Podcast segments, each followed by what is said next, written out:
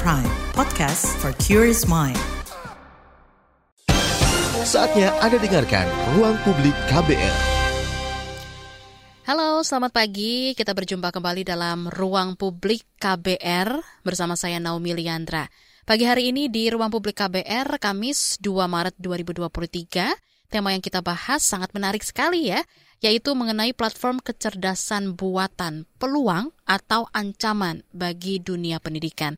Ya, saudara, platform kecerdasan buatan atau yang sering kita dengar dengan AI, Artificial Intelligence, itu ternyata mulai banyak dikenal masyarakat. Salah satunya yang ramai diperbincangkan masyarakat adalah ChatGPT yang dirilis ke publik pada November tahun lalu.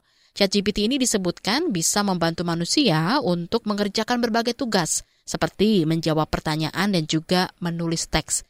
Dan kehadiran AI ini tentunya berdampak pada banyak aspek kehidupan manusia, tidak terkecuali dalam dunia pendidikan.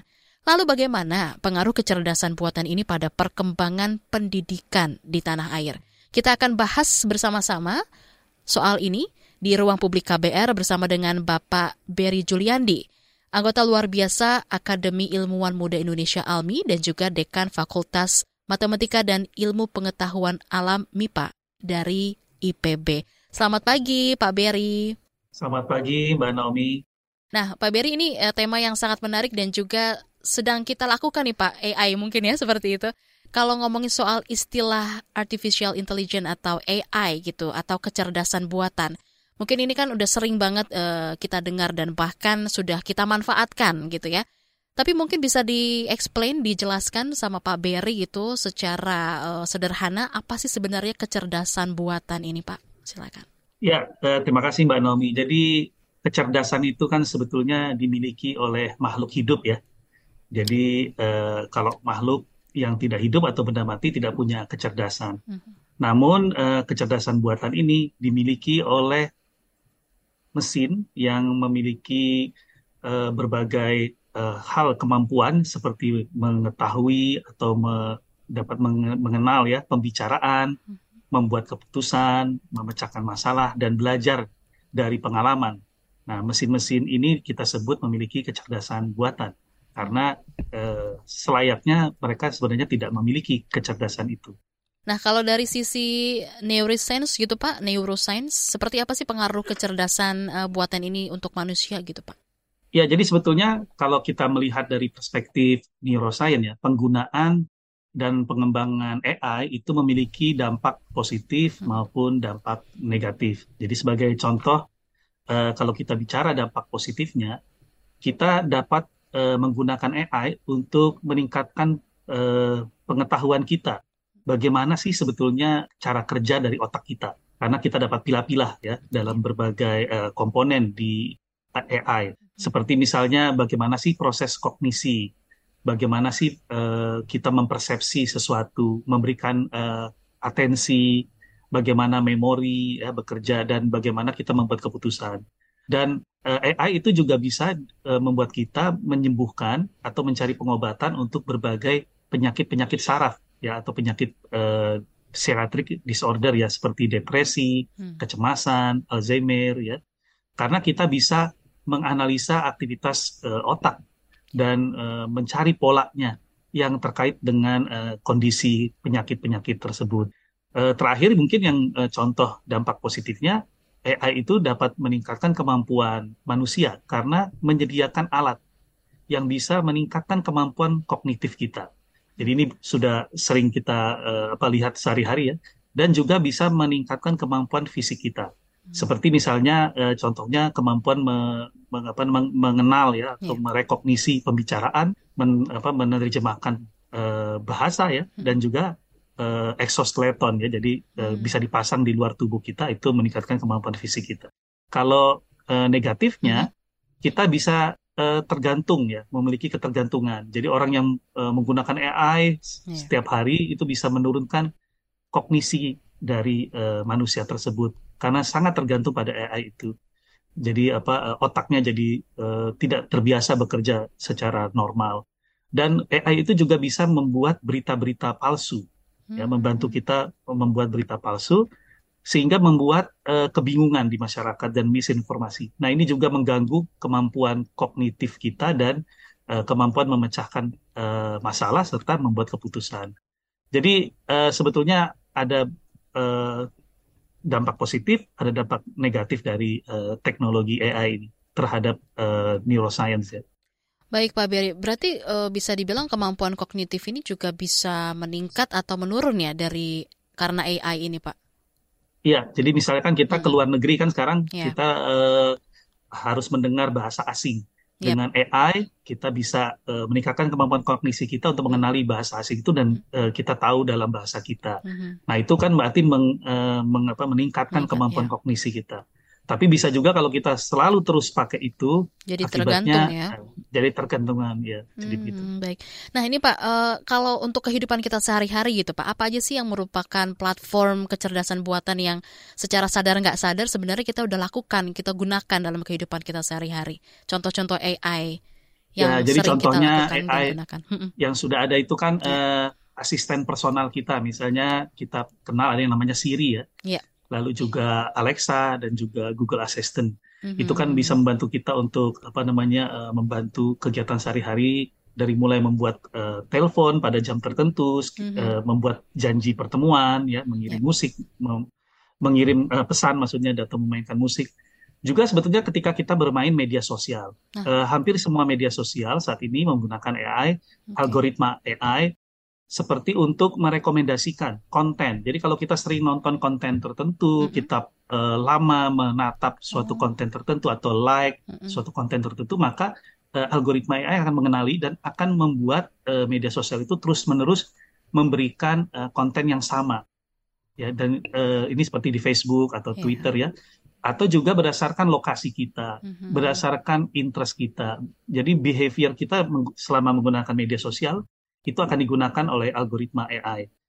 Uh, eh, online shopping misalnya. Jadi yeah. kalau kita uh, di Tokopedia, lalu di Shopee, itu sebetulnya uh, perilaku kita saat menggunakan itu uh, hmm. uh, juga masuk ya sebagai input di algoritma AI, sehingga nanti akan rekom ada rekomendasi produk ya. hmm. ya, karena kita, mereka tahu AI itu tahu produk apa sih yang sering kita cari atau sering kita browse. Juga berdasarkan purchasing history ya, misalnya uh, kita pernah beli apa. Mm-hmm. Di navigasi kita menggunakan Google Maps ya misalnya mm-hmm. atau Waze itu juga menggunakan AI karena mereka uh, memberikan yeah. uh, real time misalnya update daripada uh, lalu lintas begitu.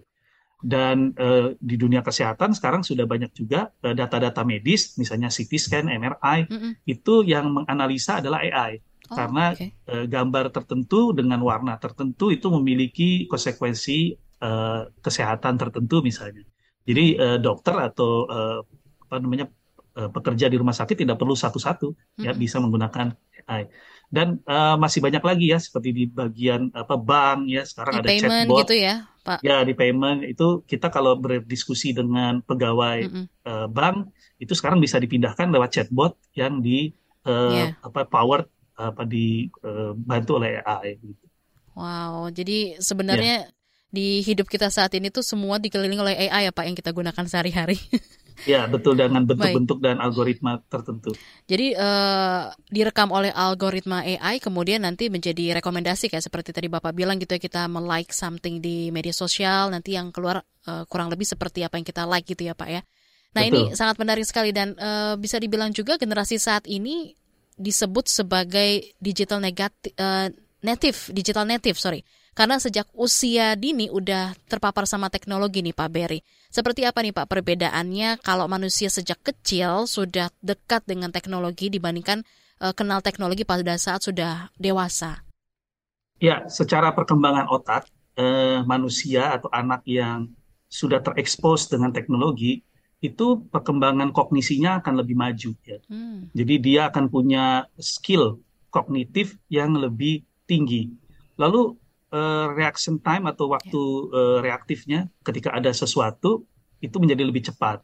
Kemampuan visual spasialnya juga lebih tinggi ya. Hmm. Lalu punya kemampuan problem solving atau memecahkan masalah juga lebih tinggi. Karena teknologi ini uh, exposure-nya ke anak kecil itu menyebabkan perkembangan berbagai jaringan otak ya hmm. yang uh, bertanggung jawab untuk kemampuan itu. Jadi dia karena distimulasi dari kecil, maka kemampuan itu menjadi lebih berkembang, lebih awal gitu ya. Uh, yang kedua, kemampuan komunikasi. Hmm. Uh, anak-anak yang sudah dikenalkan dengan teknologi sejak kecil, mereka akan punya kemampuan komunikasi digital yang lebih tinggi karena mereka sering ya memakai messaging misalnya di sosial media atau di uh, platform uh, sejenis bagaimana caranya berkomunikasi. Namun uh, kebalikannya kemungkinan kemampuan uh, komunikasi face to face-nya atau kemampuan sosialnya justru akan lebih menurun ya karena hmm. kalau mereka tidak dilatih melakukan yeah. itu juga di uh, luar kegiatan yang tadi. Hmm. Lalu atensinya uh, bagi anak yang terpapar teknologi sejak awal biasanya atensinya itu lebih rendah. Jadi periodenya pendek-pendek, nggak bisa lama-lama di tempat uh, atau melakukan sesuatu. Hmm. Dia harus pindah uh, apa namanya ke tempat yang lain atau mengerjakan yang lain. Hmm. Ini juga uh, salah satu yang buruk ya karena kadang-kadang ada kegiatan-kegiatan yang perlu waktu yang lama. Yeah. Nah, anak-anak yang terekspos teknologi sejak awal itu nggak bisa terlalu lama uh, apa atensinya di suatu hal tertentu. Dan yang terakhir mungkin eh, literasi digitalnya akan lebih tinggi ya. Hmm. Uh, jadi dia akan ngerti bagaimana melakukan ini di hmm. komputer, di smartphone dan di uh, uh, alat-alat lainnya. Jadi apa namanya ini memang ada sekali lagi dampak uh, positif dan negatif ya mengenalkan teknologi ke anak. Hmm. Itu semua berdasarkan berbagai faktor sebetulnya. Yeah. Uh, faktor dari personality ya, jadi kepribadian hmm. si anak tersebut, bagaimana pendidikan orang tua dan lain-lain.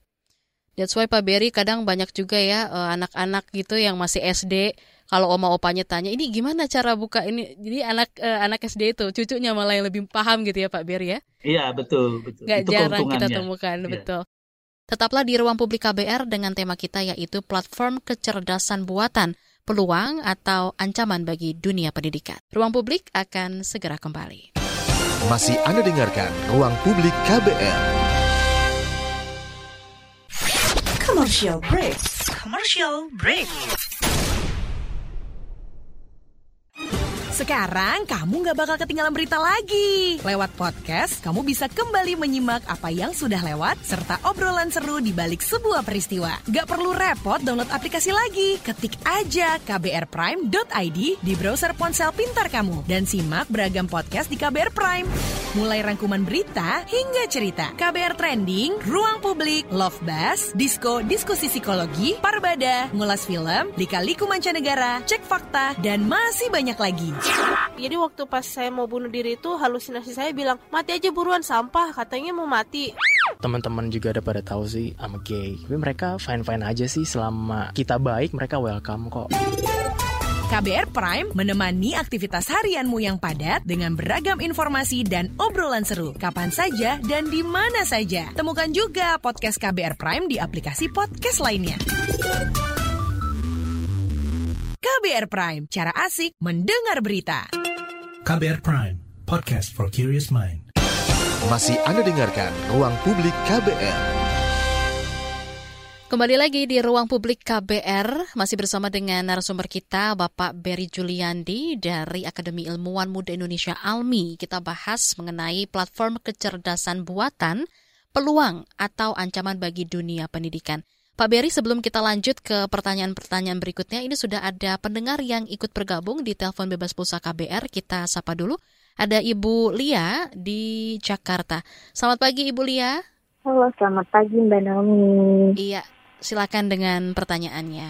Iya, terima kasih. Eh, saya mau nanya nih ke Pak Berry. Jadi sebenarnya waktu saya masih sekolah, waktu saya SMP itu ada semacam chatbot gitu ya Pak yang uh, interaktif juga. Jadi kita tanya apa, dia bisa jawab. Nah, apakah itu termasuk dalam AI ya Pak?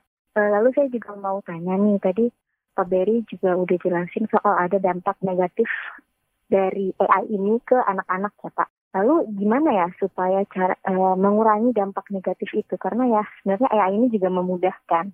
Gitu sih Pak. Terima kasih.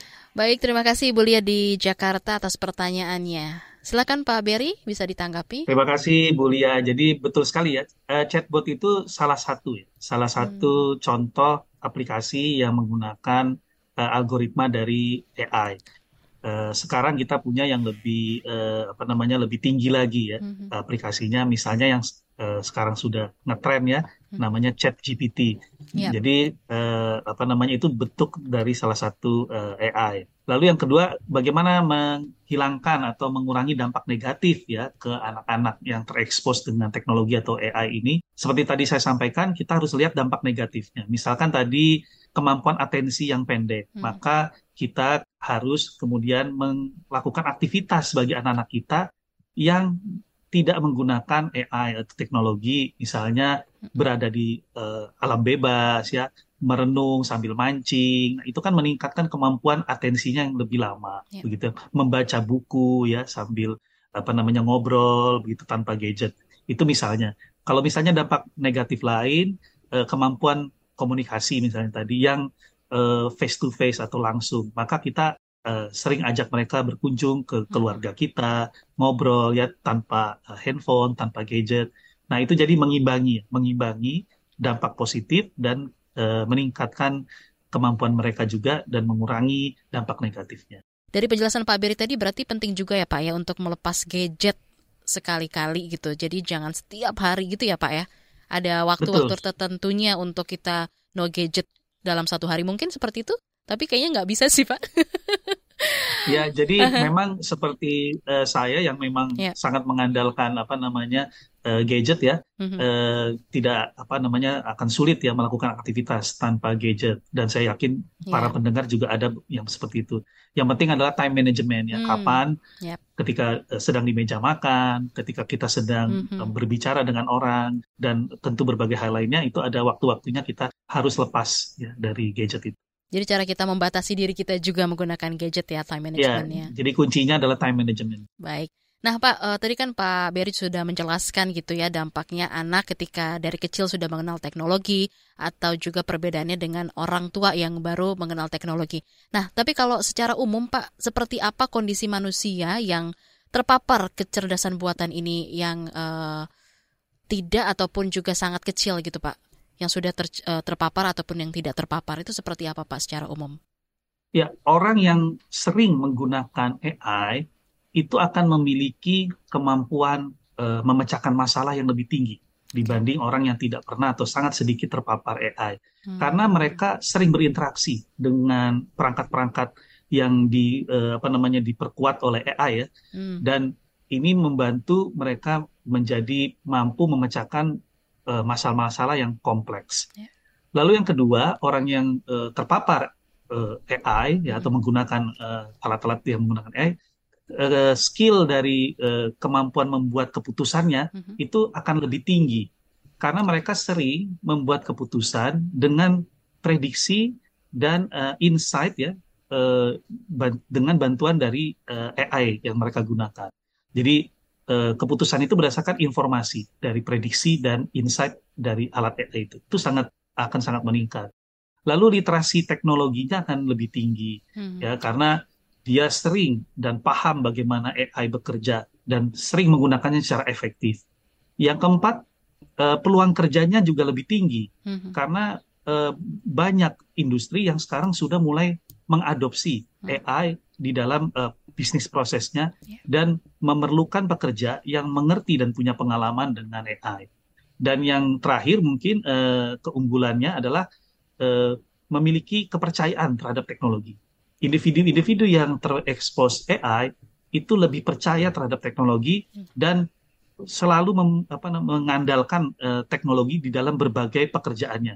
Hmm. Sehingga uh, apa namanya di dalam uh, dunia kehidupan di iya. masa yang depan akan lebih punya kemampuan beradaptasi dengan perubahan yang terjadi dengan makin banyaknya adopsi AI di masa yang akan datang. Baik Pak Biari, nah ini uh, banyak sekali industri-industri yang membutuhkan AI tentunya. Nah kalau kita bicara uh, soal dunia pendidikan gitu Pak, sejak kapan peserta didik ini sebenarnya perlu dikenalkan dengan platform kecerdasan buatan ini menurut Anda?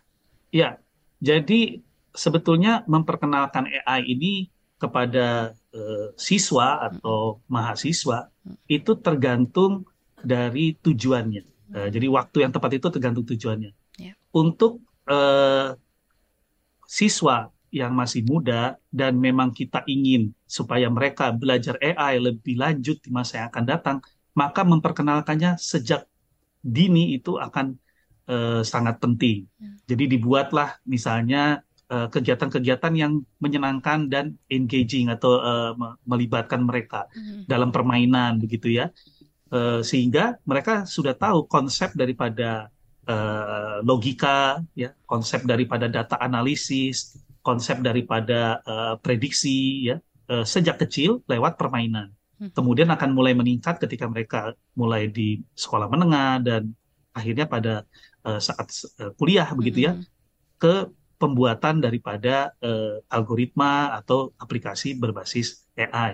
Mhm. Tapi kalau untuk eh, siswa atau mahasiswa yang tujuannya hanya ingin mengenal AI, Mm-mm. maka dia bisa eh, apa, mengen- apa diperkenalkan AI itu eh, tidak perlu dari eh, kecil ya, Hmm. bisa sejak dewasa juga tidak ada masalah karena mereka hanya perlu konsep AI secara Hmm. umum gitu. Dan ini bisa melalui eh, kegiatan seperti project-project eh, mandiri ya, eh, assignment, eh, eh, riset. Jadi eh, lebih ke arah praktek sehingga mereka tahu ya. Jadi tergantung dari tujuan pendidikannya, Hmm. kapan mengenalkan AI. Baik Pak Berry, lalu kalau ngomongin eh, soal tantangan nih Pak, tantangan peserta didik atau mahasiswa dalam hal ini untuk menggunakan AI seperti apa atau bahkan si tenaga pendidiknya Pak, seperti apa Pak tantangannya? Ya, jadi tantangan yang pertama adalah seperti yang sering dibahas nih sekarang di Ya. eh, berbagai media, Hmm. karena AI ini eh, contoh yang lagi eh, on ya sekarang Hmm. itu kan tentang Chat GPT begitu ya. Yes. Karena mahasiswa atau siswa itu bisa mengerjakan eh, apa namanya tugas-tugas dari guru atau dosen Mhm. eh, lewat Chat GPT. Yep. Nah, oleh sebab itu eh, kita harus mengerti konsep dari eh, AI. Kebanyakan yang dilakukan oleh AI ini adalah dia mengotomatisasi pekerjaan-pekerjaan rutin dan yang berulang. Hmm. Jadi juga adalah eh, dapat meng- mengetahui hal-hal yang eh, dia sudah dilatih sebelumnya. Mm-mm. Oleh sebab itu, eh, di dalam dunia pendidikan, penggunaan AI itu eh, sebetulnya sangat potensial untuk meningkatkan pendidikan Mm-mm. yang terkait dengan pembuatan tugas-tugas yang meningkatkan empati, Hmm. ya, meningkatkan eh, apa namanya interaksi eh, sosial. Jadi kalau kita membuat berbagai tugas yang tadi eh, meningkatkan empati atau eh, berbasis kegiatan sosial, maka eh, eh, penggunaan misalnya seperti Chat GPT ini Iya. akan eh, sangat eh, minim ya Mm-mm. dan kita dapat menggunakan Chat GPT untuk eh, menguji mereka atau membuat mereka mengerjakan sesuatu yang memang kita bertujuan hanya untuk supaya mereka membaca, Hmm. supaya mereka mengulang-ulang materi itu tanpa mereka sadari misalnya. Jadi Hmm. saya ingin mahasiswa misalnya mengerti tentang bagaimana sih sejarah eh, perjuangan bangsa Indonesia. Oke. Lalu saya biarkan mereka menggunakan Chat GPT. Hmm. Tujuannya bukan untuk mengetahui apa yang mereka tahu atau tidak tahu, Hmm. tapi tujuannya adalah untuk supaya mereka terpaksa tanda kutip membaca. Hmm. Dengan mengetik itu di Chat GPT dan membaca jawabannya, maka mereka akan jadi terpaksa tanda kutip membaca dibanding kita membuat mereka bilang tolong baca buku perjuangan bangsa Indonesia atau cari di internet. Itu eh, jadi itu yang eh, apa yang bisa kita lakukan saat ini dan kita bisa membuat ujian yang eh, bukan yang repetitif atau bukan yang eh, otomatisasinya ada di internet. Jadi yang lebih ke arah meningkatkan eh, kolaborasi Mm-mm. antar teman ya sosial dan juga empati. Hmm. Ini empati gitu ya Pak. Berarti bisa dibilang empati ini bisa ditingkatkan lewat AI gitu. Mungkin contoh-contoh lainnya apa nih Pak yang sering kita jumpai hal seperti itu Pak? Menurut Anda? Ya, jadi eh, salah satu kekurangan daripada eh, apa namanya aplikasi atau Mm-mm. sistem pendidikan menggunakan AI Mm-mm. itu justru karena tidak ada eh, unsur ya atau kekurangan unsur dari empati, Oke. kekurangan unsur daripada interaksi sosial. Jadi dengan adanya kehadiran AI di dalam dunia pendidikan, ini akan memaksa guru atau dosen untuk berkreasi, untuk kreatif ya, membuat kegiatan-kegiatan pendidikan atau Hmm. ujian Iya. yang meningkatkan eh, tadi empati ya. Mm-mm. Jadi eh, seperti saya sampaikan tadi, Iya. mungkin eh, kerja kelompok eh, secara face to face ya Mm-mm. tanpa menggunakan gadget itu akan membuat eh, mereka menjadi lebih eh, meningkat empati, bagaimana mendengar Hmm. pendapat orang lain, bagaimana bertoleransi ya terhadap perbedaan dan lain-lain. Hmm. Tetaplah di ruang publik KBR dengan tema kita yaitu platform kecerdasan buatan, peluang atau ancaman bagi dunia pendidikan. Ruang publik akan segera kembali. Masih Anda dengarkan Ruang Publik KBR. Yuk follow social media KBR. Twitter at Berita KBR, Instagram at KBR.id, Youtube Berita KBR. Masih Anda dengarkan Ruang Publik KBR. Masih bersama dengan narasumber kita, Bapak Berry Juliandi. Pak Berry, uh, sebelum kita bacakan beberapa pesan singkat WhatsApp yang masuk, uh, saya mau bertanya dulu nih Pak. Tadi kan Pak Berry sudah menjelaskan gitu ya, menyinggung juga soal uh, chat GPT. Nah, uh, dibandingkan dengan chat GPT yang sekarang, kalau platform-platform AI yang uh, AI yang sebelumnya itu seperti apa menurut Anda, Pak? Bedanya itu seperti apa? Ya, jadi uh, chat GPT ini hmm. perbedaannya adalah uh, dia menggunakan um, model bahasa ya yang hmm. sangat uh, besar ya, dan dia dibuat untuk merespon percakapan uh, dari bahasa yang kita input uh, atau masukkan ke dalam uh, chat box-nya gitu ya. Mm-hmm. Jadi uh, dibandingkan dengan platform AI sebelumnya, ini uh, sangat powerful dan lebih uh, hebat ya. Yeah. Karena pertama tadi yang seperti saya sampaikan, yeah. jumlah data yang uh, dia gunakan untuk training mm-hmm. sehingga dia dapat mengenali apa yang kita inginkan di dalam percakapan itu sangat besar sekali sehingga uh, responnya akan sangat akurat dan uh, sangat uh, apa namanya up to date. Yang kedua, dia mampu uh, memberi respon seperti percakapan yang natural, okay. seperti kita bercakap dengan uh, manusia, ya. Dan yang uh, ketiga, dia lebih mengerti ya uh, apa namanya konteks dari percakapan itu. Jadi kalau kita uh, uh, chatbot dulu ya, mm -hmm. apa yang kita bicarakan di atas lalu kita nanya lagi di bawah uh, si apa chatbotnya tidak tidak akan menghubungkan pertanyaan kita hmm. yang sekarang dengan pertanyaan sebelumnya. Hmm. Tapi dengan ChatGPT dia mengerti konteks pembicaraan dari sejak awal pembicaraan. Dan uh, uh, ChatGPT itu juga bisa belajar dari percakapan yang dilakukan. Jadi kalau kita hmm. sekarang memakai ChatGPT, hmm. sebetulnya secara tidak langsung si chat GPT-nya itu juga sedang belajar dari pertanyaan kita hmm. sehingga dia bisa merespon lebih cepat hmm. ke pertanyaan sejenis atau ya, bisa belajar dari kesalahan dia menjawab di saat kita bertanya uh, sehingga kelebihan lainnya chat GPT itu bisa membuat respon yang baru hmm. yang tidak di uh, setting sebelumnya gitu ya, oleh ya, Pak? si pembuat hmm. ya jadi uh, ada uh, respon yang baru jadi uh, di luar apa yang dipikirkan yeah. oleh pembuatnya gitu. Baik, Pak Berry, ini ada beberapa pertanyaan yang juga sudah masuk nih di pesan singkat WhatsApp. Uh, kita baca dulu ya satu persatu, Pak Berry. Uh, masih terkait soal chat uh, GPT. Dari Bapak Bambang Warsuta, Pak Berry, kebijakan apa saja yang harus ada dan dipersiapkan untuk menjadi prioritas bagi institusi pendidikan seperti menghadapi chat GPT terkait proses pembelajaran? Ya, ini uh, pertanyaan bagus sekali nih dari. Pak Bambang ya, uh, sebagai pendidik ya. Jadi kita harus menyiapkan uh, berbagai hal ya. Pertama adalah uh, terkait bahwa penggunaan AI uh-huh. Hmm. itu uh, bukan pengganti kecerdasan manusia, uh-huh. tapi dia sebagai pelengkap. Sehingga kita harus membuat berbagai aktivitas di dalam dunia pendidikan yang komplement yang saling menguatkan antara kegiatan-kegiatan tanpa AI dan kegiatan yang menggunakan AI. Jadi komplement. Seperti saya sampaikan tadi, hmm. ada banyak kegiatan pendidikan yang tidak bisa diganti oleh hmm. AI karena menggunakan kecerdasan manusia, harus menggunakan kreativitas dari manusia dan menggunakan empati atau kegiatan sosial. Nah, itulah yang perlu kita atur. Yang selanjutnya, karena AI ini ada di uh, dunia sehari-hari, hmm. kita mau tidak mau di dalam dunia pendidikan harus mengadopsinya. Oleh sebab itu, yang harus kita pikirkan adalah uh, misalkan kemungkinan atau potensi bias di dalam melakukan pendidikan. Seperti kita ketahui, algoritma AI dan data yang dimasukkan untuk di training di AI itu serta uh, algoritmanya bisa membuat bias terhadap suatu golongan tertentu. Nah, ini akan e, ber, apa namanya bertolak belakang dengan kemauan kita hmm. untuk melakukan pendidikan tanpa e, bias ya atau inklusif.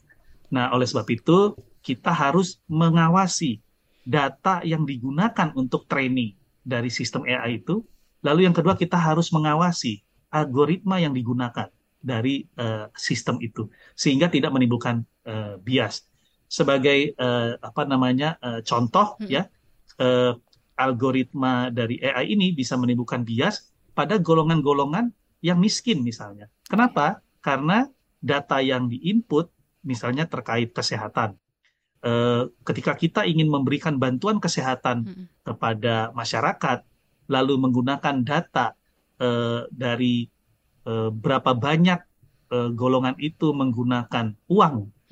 Atau eh, apa namanya untuk menggunakan fasilitas kesehatan, hmm. maka tentu saja golongan yang miskin akan memiliki jumlah pengeluaran yang lebih rendah dibanding yang kaya. Sehingga penggunaan data akses rumah sakit secara eh, langsung tanpa pembobotan terhadap data uh, dari golongan miskin dengan golongan kaya akan membuat golongan miskin tidak akan kena target daripada uh, apa bantuan kesehatan itu karena memang dari awal datanya sudah salah. Nah, inilah yang perlu kita waspadai juga di dunia pendidikan. Jangan sampai AI justru hanya dinikmati dan membuat pendidikan hanya berlaku bagi golongan yang memiliki akses hmm. kepada pendidikan dan biasanya itu yang golongan kaya. Dan uh, kita harus membuat peraturan terkait privasi. Hmm. Uh, jadi uh, ketika kita menggunakan AI maka privasi uh, kita ada beberapa data-data yang harus masuk ke dalam sistem. Nah, bagaimana siswa dan mahasiswa serta para guru dosen uh, menjamin atau terjamin ya uh, datanya atau privasinya. Jadi ini ada berbagai macam uh, hal ya memang yang perlu disiapkan. Jadi yang awal adalah kita memastikan beberapa hal tadi kalau menurut saya. Baik Pak Berry, ini ada lagi uh, pertanyaan yang masih berkaitan juga dengan uh, chat GPT gitu ya. Uh, dari Bapak Reynald di Surabaya. Sebenarnya ada beberapa hal yang mengkhawatirkan dengan AI ini, seperti ChatGPT yang akhir-akhir ini terkenal, karena bisa mengancam pekerjaan kita, bahkan berpengaruh juga pada kecerdasan anak-anak kalau terlalu bergantung. Mungkin uh, kita baca lagi yang berikutnya nih, uh, Pak Berry, dari Pak Wikan Wiratsongko di Bekasi. Seperti apa penggunaan platform kecerdasan ini? Apakah mudah diaplikasikan di dunia pendidikan? Dan apakah ada program kerjasama dengan dinas atau lembaga pendidikan? Mohon ditanggapi Pak Berry atas kedua tanggapan dan juga pertanyaan tadi. Komentar ya, terima kasih Mbak ya. Naomi. Uh, jadi setiap ada teknologi baru, memang sejarah telah mengajarkan kita akan ada eh, pekerjaan-pekerjaan atau tugas-tugas yang akan lebih mudah dilakukan oleh teknologi baru itu, okay. sehingga pekerjaan itu akan menjadi hilang. Namun sejarah juga uh, telah mengajarkan kita bahwa ketika uh, pekerjaan ini hilang, maka akan timbul pekerjaan lain yang uh, menggantikan uh, keperluan daripada uh, apa namanya lowongan pekerjaan yang tadi hilang tersebut. Mungkin yang jadi bisa jadi contoh adalah ya. uh, tentang jalan tol ya, yang mungkin uh, gampang diingat ya. Betul. Dulu kita membayar jalan tol itu uh, ke petugas, mm-hmm. petugasnya. Lalu diperkenalkanlah sistem tapping dengan menggunakan e-money atau yeah. tap cash dan lain-lain yang sejenis. Nah ini kan pegawai-pegawainya kehilangan pekerjaan ya, hmm. tanda kutip ya. Jadi yeah. hilang lowongan seperti itu. Tapi kemudian timbul mm-hmm. ya pekerjaan baru yang uh, di apa namanya di uh, di generate atau dilahirkan oleh adanya hal tersebut. Hmm. Jadi misalkan sekarang eh, eh, pegawai-pegawai tersebut bisa bekerja di eh, bagian pelayanan, ya hmm. bagaimana apa namanya eh, pelayanan di kantor-kantor pusat daripada jalan tol eh, bisa menggunakan pegawai-pegawai ini dan eh, timbul kreasi-kreasi baru ya eh, layanan-layanan yang bisa di apa namanya bisa dibuat untuk uh, menjadi lowongan pekerjaan baru. Mm-hmm. Dan masih banyak lagi contoh lainnya. Jadi saya rasa uh, kita tinggal uh, harus siap dan kreatif mm. melihat pekerjaan mana yang akan hilang dan melihat uh, opportunity atau peluang pekerjaan baru yang akan tercipta dengan adanya AI. Mm. Nah terkait tadi dampak yang uh, buruk ya, memang seperti saya sampaikan, teknologi itu seperti pisau, hmm. bisa dibuat untuk kebaikan, bisa dibuat untuk kejahatan. Nah inilah yang tadi saya selalu sampaikan, kita harus mencari sebanyak mungkin dampak positifnya dan berusaha mengantisipasi dampak uh, negatifnya, terutama uh, tadi ke manusia gitu. Lalu yang terakhir saya lupa tadi pertanyaannya tentang penggunaan platform kecerdasan ini apakah mudah diaplikasikan di dunia pendidikan oh, iya. dan apakah ada program kerjasama dengan dinas atau lembaga pendidikan, Pak? Ya, untuk sejauh ini eh, memang bisa dikatakan di Indonesia eh, kita belum banyak melakukan antisipasi ya atau eh, mengadopsi eh, AI ini di eh, dalam pendidikan. Kalaupun ada itu sangat sedikit sekali. Hmm. Oleh sebab itu ini saat yang paling tepat sebetulnya untuk memulai. Seperti yang saya sampaikan tadi, yeah. sebelum kita memulai mengadopsi AI di dalam uh, apa namanya dunia pendidikan kita, mm -hmm. kita harus membuat dulu persiapan-persiapan yang seperti saya sampaikan tadi tentang peraturan privasi, ya, mm. bagaimana kita mengontrol algoritmanya, bagaimana kita mengontrol data yang dipakai di dalam uh, training daripada sistem AI yang akan digunakan, bagaimana kita membuat kegiatan-kegiatan pendidikan hmm. yang melatih empati, melatih kegiatan sosial ya, karena eh, semua kegiatan yang berdasarkan hafalan atau berdasarkan pengetahuan rutin hmm. atau yang bisa diotomatisasi itu pasti akan eh, dijawab oleh ChatGPT misalnya hmm. atau AI yang lain. Baik Pak Berry, terima kasih untuk penjelasan-penjelasan dari uh, pertanyaan yang sudah disampaikan oleh pendengar kita. Tetaplah di ruang publik KBR dengan tema kita yaitu platform kecerdasan buatan peluang atau ancaman bagi dunia pendidikan. Ruang Publik akan segera kembali. Masih Anda dengarkan Ruang Publik KBR. Commercial break. Commercial break. Transfer ke sini udah, bayar ini juga udah. Ke gue udah. Heh, Allah, pertumbuhan ekonomi tuh lagi melambat, persis kayak tabungan gue. Betul banget harus matang ngelola keuangan. Pengennya tuh investasi sesuatu gitu ya. Apa gitu yang cocok dan menguntungkan? Hmm, coba dengerin uang bicara deh. Gue belakangan lagi dengerin podcast itu di KBR Prime. Reksadana yang tadinya 500 juta udah turun dari 250 juta sekarang 10 ribu. Sama kita ngopi, mahalan mana? Ketika itu ada keputusan yang kayak begitu, investor harus tahu gitu, oh ada keputusan ini berarti implikasinya apa? Orang mungkin perluas literasi kamu lewat podcast Uang Bicara. Uang Bicara menavigasi kamu dengan menghadirkan bahasan-bahasan seru dan populer mulai dari investasi sampai kebijakan dipersembahkan oleh KBR Prime dan bisa didengarkan di KBR Prime, Spotify, dan platform mendengarkan podcast lainnya. KBR Prime, podcast for curious mind. Masih Anda dengarkan Ruang Publik KBR. Kita sudah berada di siaran akhir Ruang Publik KBR pagi hari ini. Masih bersama dengan Bapak Berry, kita membahas mengenai platform kecerdasan buatan, peluang atau ancaman bagi dunia pendidikan.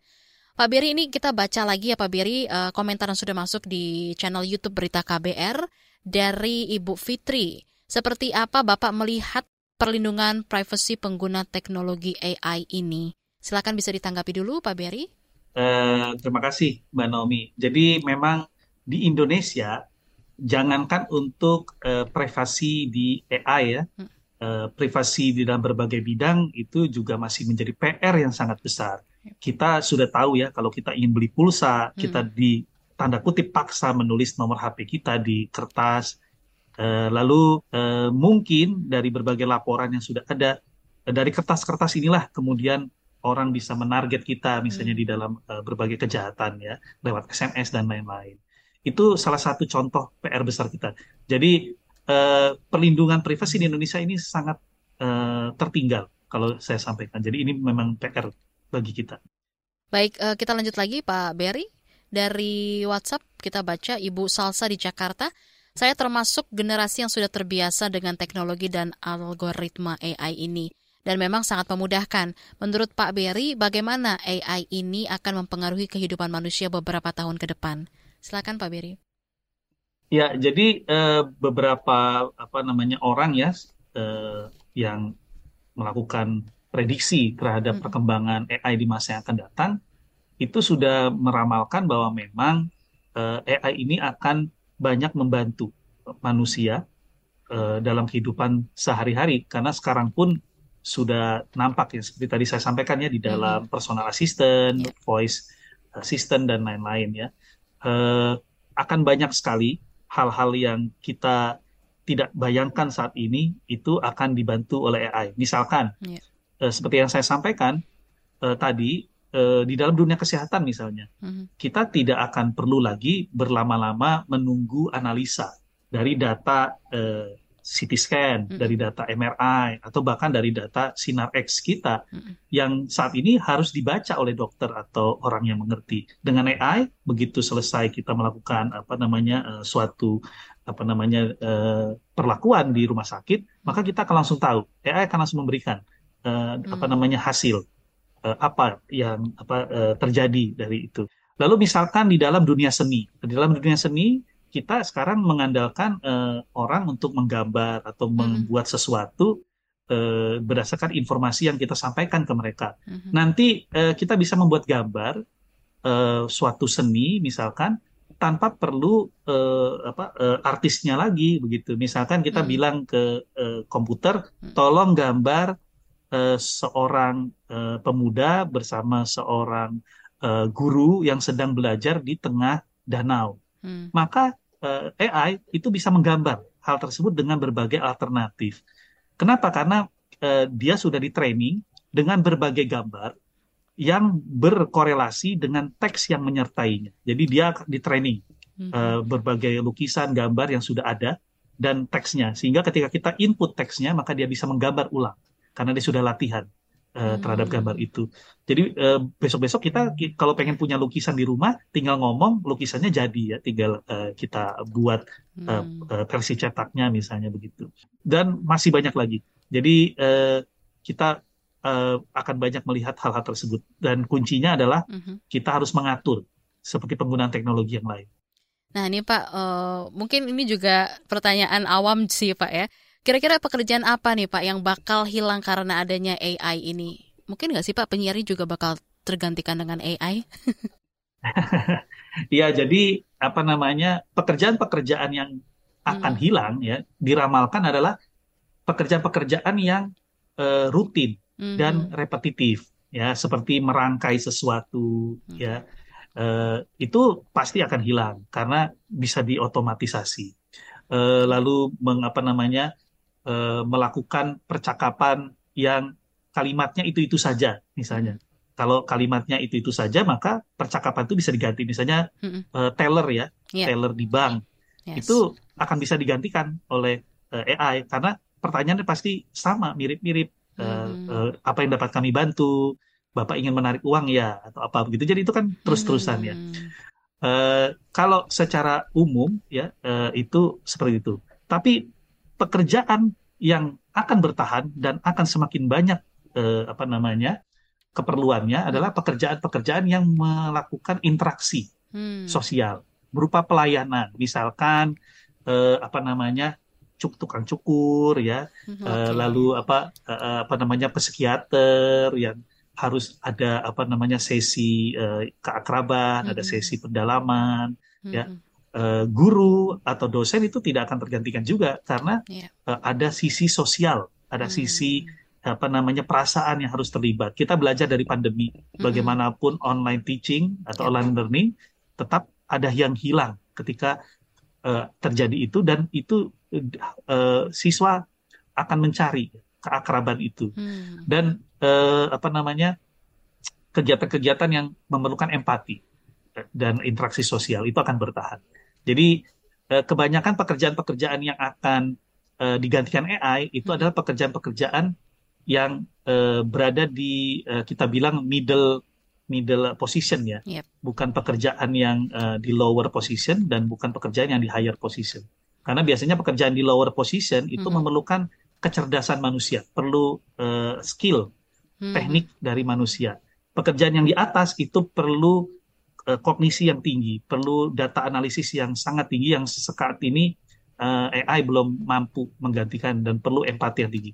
Jadi pekerjaan-pekerjaan yang berada di tengah. Nah ini juga bisa menimbulkan polarisasi nanti akhirnya kalau kita bis, mau bahas. Mhm. Eh, jadi eh, memang cukup menarik ya. Iya. Jadi penyiar masih aman ya Pak Beri ya? penyiar aman karena apa? Ada sisi uh, keakraban ya, yeah. uh, interaksi yang uh, perlu empati ya ketika mendengarkan pertanyaan gitu. Baik Pak Beri, thank you. Ini uh, satu pesan WhatsApp terakhir kita bacakan dan bisa ditanggapi dari Pak Suryatno di Solo.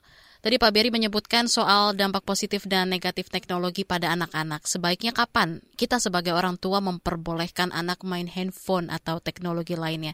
Silakan Pak Beri bisa ditanggapi.